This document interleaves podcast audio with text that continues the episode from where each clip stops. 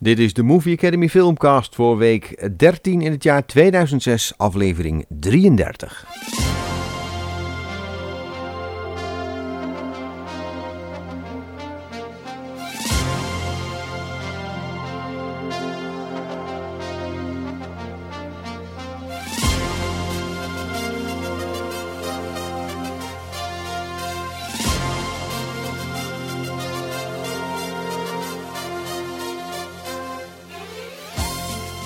Hallo en welkom bij de Movie Academy Filmcast, jouw internetadresje voor de leukste filmbesprekingen van Nederland. En dat zeg ik niet alleen, dat zegt bijvoorbeeld ook het blad iPod Fan. In week 13, dus op donderdag 30 maart, gingen er zes films in première en ik heb drie uitgebreide besprekingen voor je, plus natuurlijk nieuwtjes en het premièreoverzicht. En in deze filmcast hoor je heel veel muziek, onder andere een hele aparte versie van het Spider-Man theme en muziek uit Ocean's 11. Ben je al lid van de Filmcast mailinglist? Nee, ik, ik vraag het maar even, want dan krijg je elke week een kort mailtje zodra de Filmcast weer online staat. Ben je er altijd vroeg bij, schrijf je in op www.filmcast.nl. Join the club. De Filmcast wordt overigens exclusief gemaakt voor en gedistribueerd via www.podplaza.nl. Mijn naam is Martijn Warnas en ik ben blij dat je weer luistert.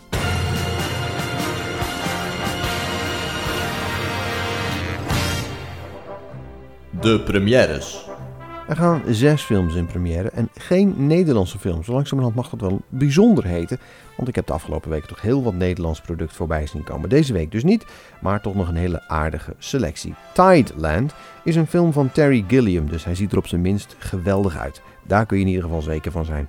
Het is het verhaal van een meisje dat na de dood van haar moeder verhuist uit de grote stad om bij haar vader op het platteland te gaan wonen. Zij heeft echter nog heel wat te verwerken betreffende de dood van haar moeder en gaat zich dan ook raar gedragen. Gelukkig valt dat helemaal niet zo op in het dorpje waar haar vader woont.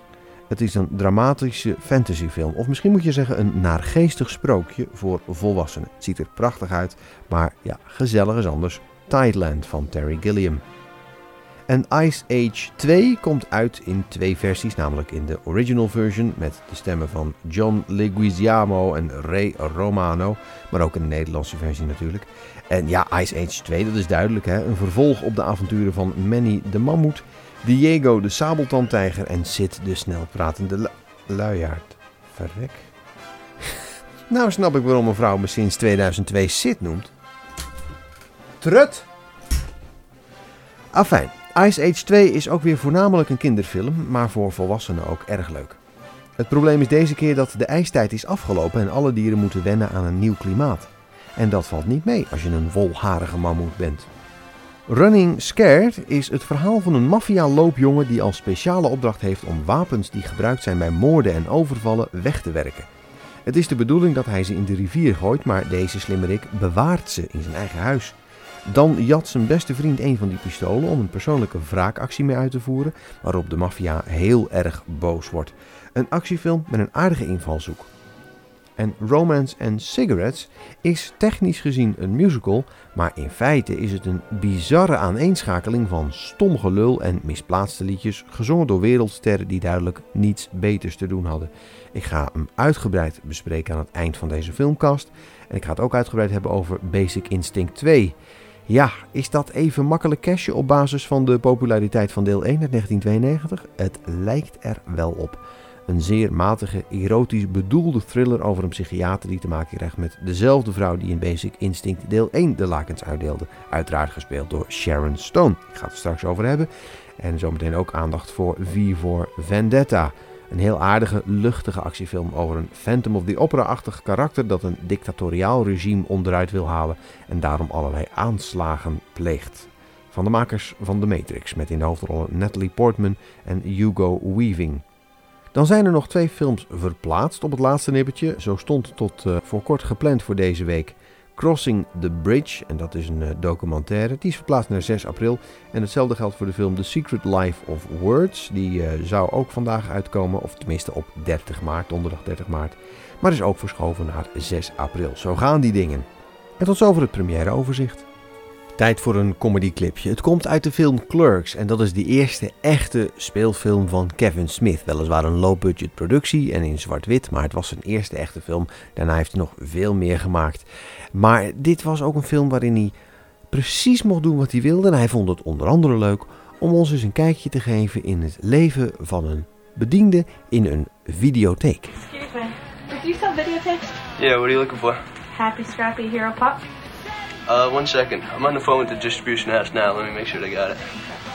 What's it called again? Happy Scrappy Hero Pup. Happy Scrappy. She loves it. Obviously. Uh, yeah, hi, this is RST Video calling. Customer number 4352. I'd like to place an order. Okay, I need one each of the following tapes. Whispers in the Wind, To Each His Own, Put It Where It Doesn't Belong, My Pipes Need Cleaning, All Tit Fucking Volume 8, I Need Your Cock, Ass Worshipping Rim Jobbers, My Cut Eight Shafts, Come Clean, Come Gargling Naked Sluts, Come Buns 3, Coming in Socks, Come On Eileen, Huge Black Cocks with Pearly White Cum, Girls Who Crave Cock, Girls Who Crave Cunt, Met Alone 2, the KY Connection, Pink Pussy Lips, oh yeah, and uh, All Holes Filled with Hard Cock. Yep. Oh, wait a minute, uh... Achtergronden van het filmnieuws.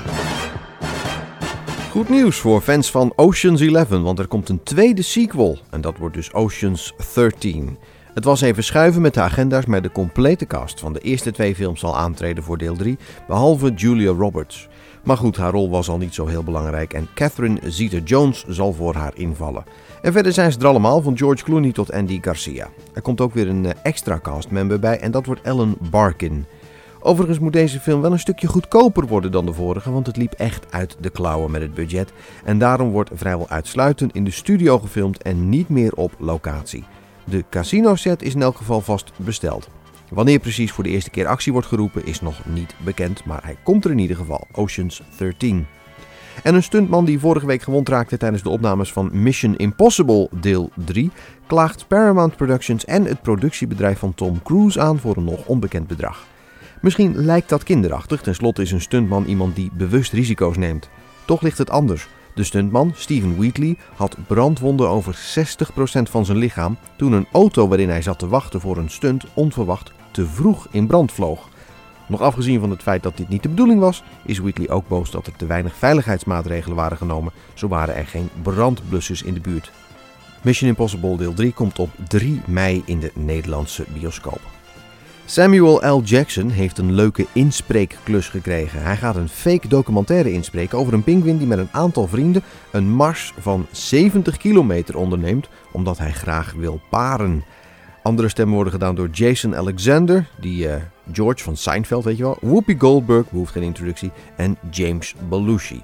Penguins zijn trouwens een enorme hit aan het worden, met name na het optreden van de militaire penguins in Madagaskar. Zo verschijnt op 6 december de animatiefilm Happy Feet over een aantal maffe penguins, waarvan één de stem van Robin Williams heeft. Ik heb al een teaser gezien en hij lijkt me geweldig, jammer dat het pas in december te zien is. En heeft de documentaire March of the Penguins met Urbanus als de Nederlandse voice-over goede zaken gedaan, ook bij de Oscars. Madagaskar 2 staat trouwens ook al gepland voor 2008. Ongetwijfeld weer met de Penguins die ook hun eigen kleine kerstspecial hadden overigens. Eh, als je de DVD van Madagaskar hebt gekocht, dan heb je waarschijnlijk die kerstspecial in je bezit. En die fake documentaire waar dit nieuwtje mee begon, van Samuel L. Jackson, die heet trouwens Farce of the Penguins. Dus heel duidelijk een parodie op March of the Penguins. Voor Nederland is op dit moment nog geen distributeur bekend, maar dat zal vast niet lang duren. Iemand voor wie het in ieder geval niet lang genoeg kan duren is Bert Visser, want die heeft namelijk een pokkenhekel aan pinguïns. Hij heeft er tijdens de show namelijk zeer geregeld last van. Wacht even, dat is, dat is wel heel leuk. We hebben het net over geluiden van vogels. Nu zou het erg leuk zijn als jij even wat zegt. Dan kan ik misschien even kijken in het grote boek wat voor vogel jij precies bent. Is dat leuk? Dat ik even kijk wat voor pinguïn je bent in het boek. Dat zou je trouwens afgeven. Waarom geef je dat toch niet af, snotneus? Wacht, nou, wacht, ik doe even, wacht, ik doe even het gordijn open. Moet ik even, want ik zie geen... Wacht nou, niet weggaan nou. Niet direct weggaan. Oh, zo, de kleren blijven toch even zo. Moet ik even proberen om dat hele ding weer een beetje omhoog. Zo, kom nou, kom even terug nou. Kom eens. Kom eens. Kom maar. Kom maar. Huh? Ah! Wow!